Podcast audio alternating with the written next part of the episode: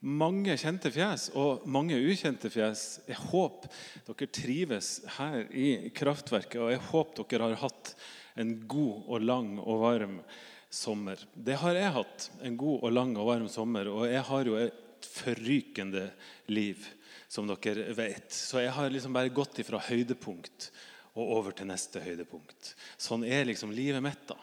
Og Et av de mange høydepunktene i sommer det var ei uke eller to siden. Da var jeg på Øya.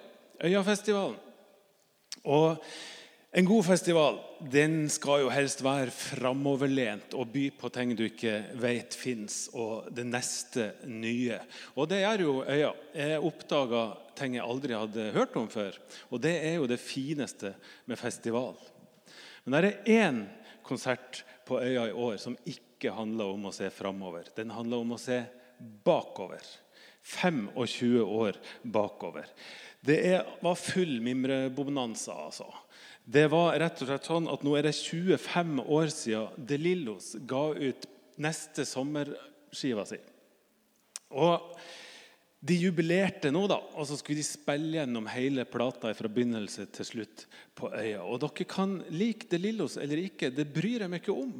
Men det er faktisk enkelte ting på den plata som er fantastiske øyeblikk. Og Da den kom for 125 år siden, så hørte jeg masse på den. Så jeg kunne den utenat. Og jeg tenkte ja, dette det skal jeg få med meg. også.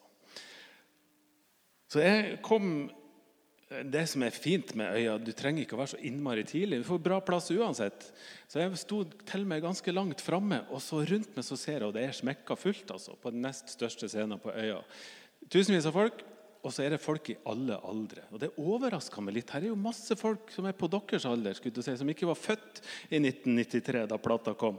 Det året da verden lå der ufarlig langs Norges kyst et sted. Og blant annet rett De nærmeste her det var liksom en gjeng fra Bergen. Og jeg elsker folk fra Bergen. altså. Og det, det, Dere flirer, men det er helt sant. Å, ikke sant, bakerst, Andreas? Jeg elsker folk fra Bergen. De snakker så høyt, og de snakker så mye. Og det er liksom ingenting mellom linjene der. Du bare forstår med en gang. Og vi fra Nord-Norge vi elsker når er, du slipper å tolke ting. Jeg elsker folk fra Bergen. Det er bare én liten ting jeg skulle ønske var annerledes, og det var at de av og til trakk pusten. Men det er en annen sak. Og så var det masse andre unge folk som ikke var født i 1993. Og så var det også gamlingene, da, middelaldrende menn og damer som hadde fått litt fri fra livet sitt og hverdagen, og som sto der og mintes at også vi har da vært unge en gang for lenge siden. Og her kommer De Lillos inn på scenen. Grå i håret, en av de hakkehår. Og Så starter de med en kassegitar. Lars Lillo enkelt, og Lars på høyre side og Lars på venstre side. Og så litt sur koring. Det er langfredag i Århus. Og så kommer resten av bandet inn, og så er det kokken Tor. Og Det ser jo at dere er for unge, altså, men, men, det er fryktelig mange som ikke var født i 1993, som kan kokken Tor framlengs og baklengs. Og disse fra Bergen de sang altså som om det var det siste de skulle gjøre før de døde. altså. Det var full innsats. Og Lars Lillo han pusta letta ut når denne låta var over. Han bare tenkte åh, endelig, nå skal vi aldri spille den mer. sa han. Kan dere bare tenke dere hvor mye rølp han har sett i 25 år når de har spilt den låta live. Etter Kokken Tor så kommer det masse fine øyeblikk som perler på ei snor. Det er glemte minner, og det er uendelig trist. Og sånne fine låter som har gjort denne plata til virkelig en klassiker. Men når Kokken Tor er ferdig, så er det sånn at denne gjengen fra Bergen de bryr seg ikke om det som skjer oppe på scenen.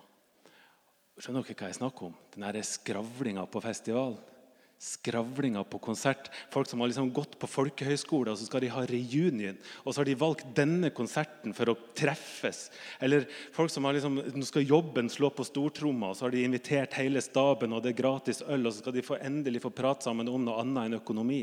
Og så går skravla. Og sånn var det med disse bergenserne. Jeg, jeg leste her om dagen om en som mente at festivaler det har blitt det nye leirbålet. Og jeg synes det var et godt bilde. for Skravlinga er liksom hovedpoenget. Og så sitter du rundt denne festivalen. Det er så deilig å ha litt musikk i bakgrunnen. Nok om det. Uansett, det nærmer seg slutten av konserten med De Lillos, og det er tid for tittelsporet.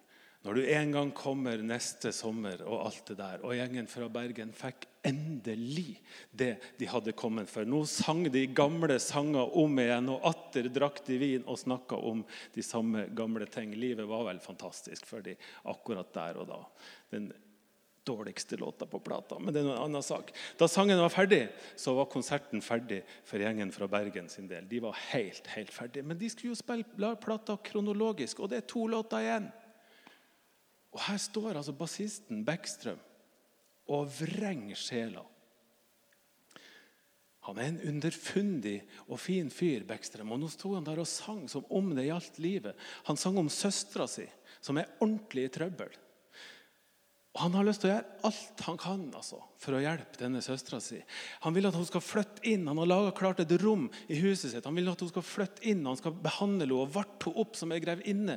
Og han lukker øynene og står der og synger med ordentlig innlevelse. Du skal komme gjennom dette her. Og jeg skal være der sammen med deg. Og du skal skinne igjen. En dag så skal du skinne igjen, synger han. Det er på liv og død, altså. Og jeg blir helt tatt. Og jeg kan denne låta fram og tilbake, men bare plutselig så treffer den enda hardere enn det noen gang har gjort før. Akkurat sånn som bare musikk kan. Og jeg står der og er helt salig. Og så kjenner jeg plutselig noe vått i bakhodet. Og så snur jeg meg og så ser jeg at denne gjengen fra Bergen har begynt å blåse såpebobler. Mens de spruter øl og roper på kokken Tor. Og så synger de om å lese langsomt i ei bok. Og jeg mente i stad når jeg sa at jeg elsker folk fra Bergen. Altså. Er det helt sant? Jeg har alltid likt bergensere. Men vet dere, da brast det. Da rett og slett brast det. Så jeg snudde meg mot disse folka her. Og så så jeg på dem, og så ropte jeg det jeg var klar om, over. Eller det jeg var mann om å klare. Jeg ropte Ja, men så hold kjeft! Det er helt sant. Og det var et historisk øyeblikk.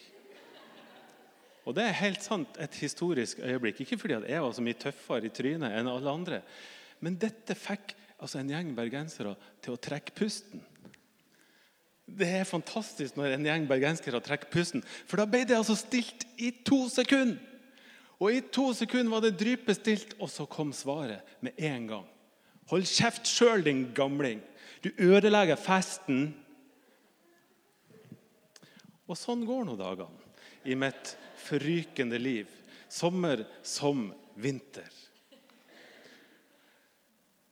Jeg har altså ingenting imot fest og glede. Alle drømmer jo om det gode liv. Vi drømmer om å være glad, vi drømmer om å ha det godt. Og Det er jo denne drømmen som gjør at jeg går på Øyafestivalen. Og disse folka her hadde samme dragning om at nå skal vi ha det fint. sant? Det er den drømmen om det gode livet som er at vi oppsøker de fineste restaurantene, at vi leverer inn lottokupongen. Det er også drømmen om det gode liv som får årets russ til å reise til Kos og IOS for å drikke og slåss. Vi vil ha det bra i bånd. Men av og til altså, dere, så er det sånn at fest og glede det kan altså stå i veien for det gode liv. Fordi og det er dette dere må huske av det jeg har sagt i dag. Det gode liv det må forankres dypere. Fest det er skrapa i overflata. Kun der. Sånn som låta 'Neste sommer' bare skrapa i overflata. Det er ei tullelåt. Det er artig, da. Mens Bekkstrøm han sto der og befant seg på dypet der det gode livet befinner seg. Han sang om å bry seg om noen, om å vende blikket opp og vekk fra seg sjøl. Og virkelig ha betydning og gjøre noe bra for noen som har det vanskelig. Og Den teksten som Iselin leste fra Bibelen i stad, der tenker jeg at der holder Jesus opp disse to tingene og holder de opp imot hverandre. Den overfladiske festen og nytelsen på den ene sida, og det gode livet som leves i tjeneste for andre på den andre sida. Husker dere teksten fra Lukas? Herren i huset skal på tur, sier Jesus. Og Han blir borte en stund. Det er Ingen som vet helt hvor lenge han blir borte. Men mens han er borte, så overlater han altså ansvaret for hus og hjem og gård og grunn til tjenerskapet sitt. Og Så plukker han ut en leder, en forvalter. Og denne Forvalteren han har et hovedansvar for at dette skal gå bra. Og Med vår tenkemåte så tenker vi sikkert at han skal stå over de andre tjenerne. Men hvis dere fulgte med i teksten, så sier Jesus at oppgaven til denne forvalteren det er jo å sørge for at tjenerne har det bra. Han skal sørge for at de har ordentlig gode arbeidsforhold. Han skal gi dem mat i rette tid. Forvalteren er tjenerne sin tjener mens Herren er borte. Og Så bruker Jesus dette ordet som jeg er helt sikker på alle mennesker i verden skulle ønske de kunne bruke om sitt eget liv. Han bruker ordet 'lykkelig'. Lykkelig er den forvalteren som har kjærlighet til Herren sin, og respekt og omsorg for de andre, og som tjener de andre helt til Herren kommer tilbake. Ja, Han skal belønnes rikt, sier Jesus. Mens verre er det med den som gjør seg sjøl til herre, og som utnytter situasjonen, som spiser og drikker seg full og slår de andre tjenerne, i håp om at Herren ikke skal komme tilbake på en stund, i håp om at han ikke skal stilles til ansvar for livet sitt. Og Dere kan like det eller ikke der dere sitter. Men Jesus er altså beinhard i denne historien. Han sier at Herren skal komme tilbake og hogge han ned. Han skal få mange slag, sier han. Milde Jesus og synger vi av og til her. Jesus er ikke den milde Jesus i denne historien. Men denne historien må dere huske, den er oppdikta. Men alle disiplene rundt og de som sto rundt disiplene, de skjønte at det er jo sånn dette funka i praksis. Hvis det fantes en herre med gård og grunn og tjenere, og han skulle av gårde, så var det sånn det funka. Han visste at hvis han hadde en forvalter som forvalta dette på en klok måte, ja, så ble han belønna etter alle kunstens regler. Han ble overøst med en rik belønning av en god herre. Og den som bare tenkte på seg sjøl, og som utnytta situasjonen, og som slo de andre tjenerne og bare holdt på med sin egen nytelse og fest og glede, ja, han ble straffa hardt av en herre. Sånn funka det. Denne historien er tatt ut av hverdagslivet til Jesus og disiplene. Mens det som er vanskeligere, eller som var vanskeligere å forstå for disiplene, men som vi kan forstå i dag, det er jo at dette er en parallell til frelseshistoria. Altså, Jesus har jo dratt til himmelen. Vår Herre har dratt. Og Dette skjedde jo etter Jesus fortalte den historien. Men en dag så skal han altså komme tilbake. Og mens Jesus er borte, og vi vet jo ikke hvor lenge det tar, så har han gitt vi som sitter her, og alle mennesker på jord, har fått et ansvar. Vi skal forvalte jorda mens han er borte. Vi skal forvalte natur, ressurser. Vi skal forvalte trua, vi skal forvalte livet. Vi skal bygge ei kirke, og vi skal først og fremst tjene hverandre. Og Selv om tilhørerne til denne historien ikke var klar over denne dimensjonen, som er voldsom, så tror jeg at Jesus kjente til dybdene i det som han snakka om. Dette forvalteransvaret det gjelder også oss som sitter her mange år etterpå. Og hva er belønninga for den som ønsker å tjene Herren og folk rundt seg? Hva er vår belønning? Ja, jeg tror at belønninga er først og fremst å finne det gode liv. Lykkelig er den som lever sånn, sier Jesus. Lykkelig er den som lever sånn. Og så tror jeg belønninga til og med er større enn å finne det gode liv. Jeg tror belønninga er et evig liv. For en dag skal Jesus komme tilbake og dømme levende og døde. Og her gir altså Jesus en oppskrift på hvordan vi skal bli tildelt et evig liv sammen med Gud i himmelen. Og Så sitter kanskje noen av dere og lurer på hva skjer da med den som ikke forvalter dette ansvaret på en klok måte. Eller for å si det på en annen måte, hva skjer med bergensere som bare vil feste, og i stedet for å ta livets alvor inn over seg? Det er mange nervøse folk her nå. Men, og det er mange nye i kraftverket som ikke har vært her. Men nå må dere slappe av. Her i huset så har vi, verken, vi har aldri sendt noen til helvete. Og kommer heller ikke til å gjøre det i dag eller noen gang i framtida. Det er ikke vår oppgave å dømme noen verken hit eller dit. Men jeg har lyst likevel å gjøre oppmerksom på at Jesus sin harde ordbruk i denne historien den gjør at det er noe alvor her som vi må ta på ordentlig. Og jeg tror at alvoret består i at Jesus utfordrer oss på to helt forskjellige livssyn, eller menneskesyn, om du vil. Er vi her for å tjene? Eller er vi her for å herske? Det er det store spørsmålet. Og Jesus' et poeng er at Hvis den grunnleggende innstillinga vår er å tjene andre, tjene Herren, ja, så går det bra. Både i livet og i døden. Det går bra på den måten at da finner vi det gode liv, og vi får leve evig sammen med Gud. Men hvis den grunnleggende innstillinga vår er at vi bare tenker på oss sjøl, ja, så går det ikke bra. Verken i livet eller i døden. Det er det Jesus prøver å si her. Og Det er et ganske utfordrende budskap for alle oss som sitter her, og alle andre som bor i Norge. For idealene våre de er jo helt annerledes. Lykkelig er jo den som tjener mest. Lykkelig er jo ikke den som tjener andre mest. Om jeg nå får ta et lite ordspill jeg kom på her i siste liten. I sju år så har Norge blitt kåra til verdens beste land å bo i. I år så kom vi på andreplass. Slått av New Zealand eller noen.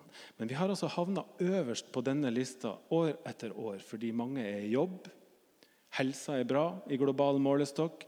Det er forholdsvis lite vold og kriminalitet i Norge. Men først og fremst så havner vi øverst på lista fordi i Norge er det en enorm velstand. Og Jeg vet ikke om dere har hørt om en annen ordentlig skravlekopp. Altså. Han prater fort på utpust og innpust, men han sier mye klokt. Han heter Thomas Hylland Eriksen. Han er professor i sosialantropologi, forfatter, debattant. Masse rart. Han sier mye rart og mye fint. Og han sier om dette så sier han at vi lever i paradiset. Levealderen er høyere enn noen gang før. Vi jobber mindre, og vi er sunnere enn tidligere generasjoner. Vi kan spise den maten vi vil.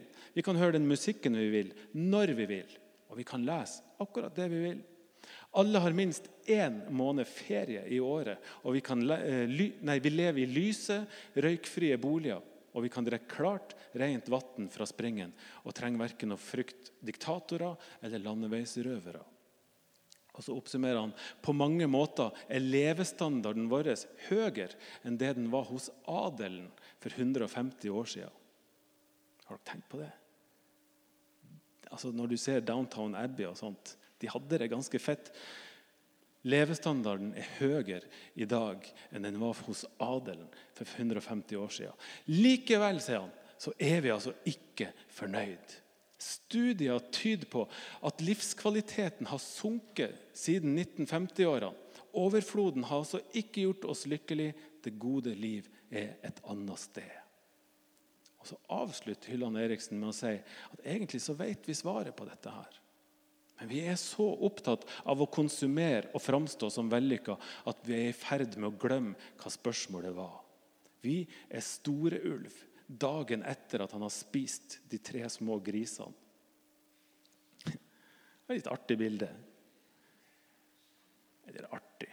Hvis det er sant, så er det jo ikke noe artig. Det er et godt bilde. Og Jeg tror at Thomas Hylland Eriksen er inne på noe som er viktig. Og Nettopp derfor så blir Jesus et budskap til oss i dag så ordentlig utfordrende. Jesus skisserer en virkelighet der det gode livet finnes og leves et annet sted enn der vi som regel leter. Og Jeg ønsker ikke at vi skal starte høsten her jeg ønsker ikke å starte høsten her med å være en ordentlig sånn festbrems. Jeg har vært nok i sommer, for å si det sånn.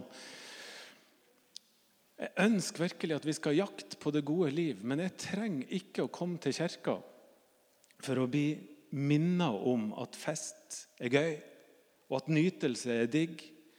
Altså, Dette vet jeg sjøl. Jeg kjenner det på kroppen helt av meg sjøl, uten noen påminnelser, uten noen hjelp. Dette vet jeg.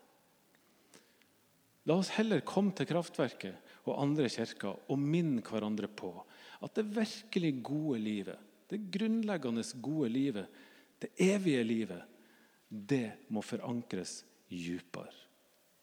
Det må forankres i at vi løfter blikket opp, først og fremst mot Jesus, men også ut mot hverandre, sånn at vi dekker hverandre sine behov i like stor grad som vi dekker våre egne behov. La oss komme sammen denne høsten og minne hverandre på at Jesus er det som er vår Herre. Vi er faktisk ikke herre i vårt eget liv, men vi er tjenere i hverandres liv. Det har jeg lyst at vi skal ha som et grunnleggende prosjekt denne høsten. Kom hit og minn hverandre på dette. Og Jeg håper og tror og ber om at det ikke bare skal gi oss det evige liv, men at vi skal finne det gode liv sammen pga. dette. Det var det jeg hadde å si til dere i dag. Vi skal ha en sang, og så er det nattvær.